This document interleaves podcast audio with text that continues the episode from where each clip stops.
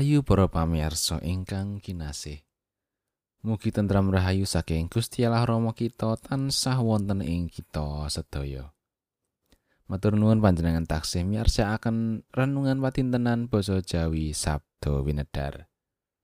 Ing dinten menika kita badhe ngegilut pangandikanipun Gusti ingkang nyariosaken pisungsungipun rondo ingkang miskin. Renungan kaparingan ira-iraan andum Monggo kita ndedonga langkung rumiyin. Allah Rama kawula kasuwargan. Kawula sowan ing ngarsa paduka ngaturaken panuwun syukur awit berkah pangrimet ingkang saking paduka tansah kawula raosaken ing sauruting lampah gesang kawula. Ing wanci ingkang endah menika kawula sumadyo nyawisaken manah badhe nampi sabdo saking paduka. Mugi roh suci nyagetaken kawula mangertosi pangandika paduka lan nindakaken kersa paduka ing pagesangan kawula. Matur nuwun Gusti. Wonten ing asmanipun Gusti kawula Gusti Yesus Kristus. Haleluya. Amin. Para sedherek kinasih, waosan kapendet saking Lukas bab selikur ayat setunggal ngantos sekawan. Injil Lukas bab selikur ayat setunggal ngantos sekawan. Monggo kita waos sesarengan. Pisungsunge rondo miskin. Bareng Gusti Yesus tumengo mirsa wong-wong sugih padha nglebokake pisungsunge ana ing peti pisungsung. Tumuli iya mirsani rondo miskin kang lebokake pisungsung rong igar. Banjur ngandika aku pitutur marang kowe satemene kang dipisungsungake rondo miskin iku luwih akeh ketimbang wong kabeh iku. Amarga wong-wong kabeh iku ngaturake pisungsung saka kasugiyane, nanging rondo iki ngaturake saka ing kamiskinane. Malah nyaosake sakabehing darbeke kang kanggo urip. Makaten pangandikanipun Gusti ayat nasing menika ayat sekawan B. nanging rondo iki ngaturake saka ing kamiskinane malah nyaosake sakabehing darbeke kang kanggo urip.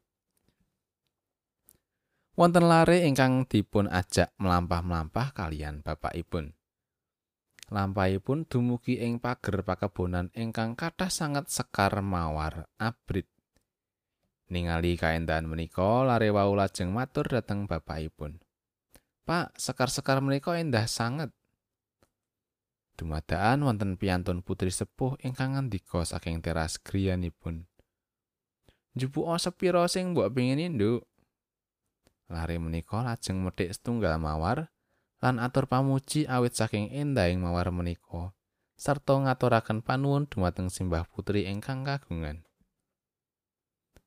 Piyantun putri menika lajeng paring wangsulan.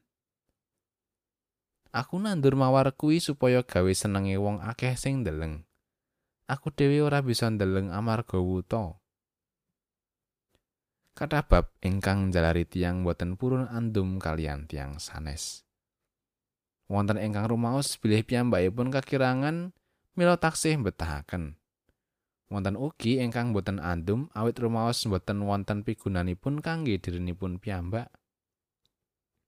Ananging Gusti Yesus paring pamuji dhateng rondo miskin ingkang sinaosa gesangipun sarwi winates ananging kanthi lila ngaturaken sedaya darbeipun minangka pisungsung kunjuk Gusti Allah.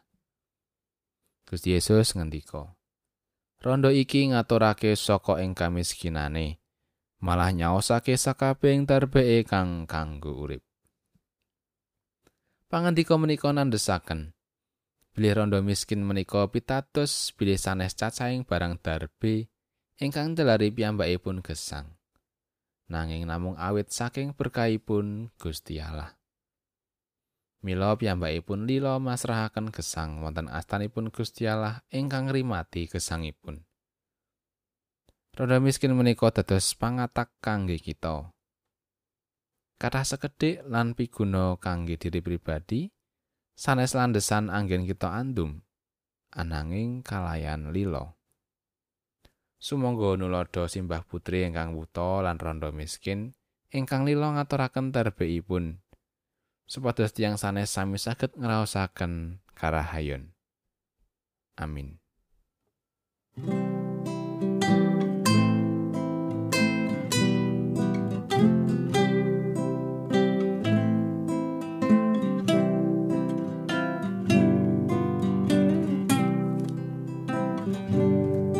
Sumangga sung pisung sung mrengala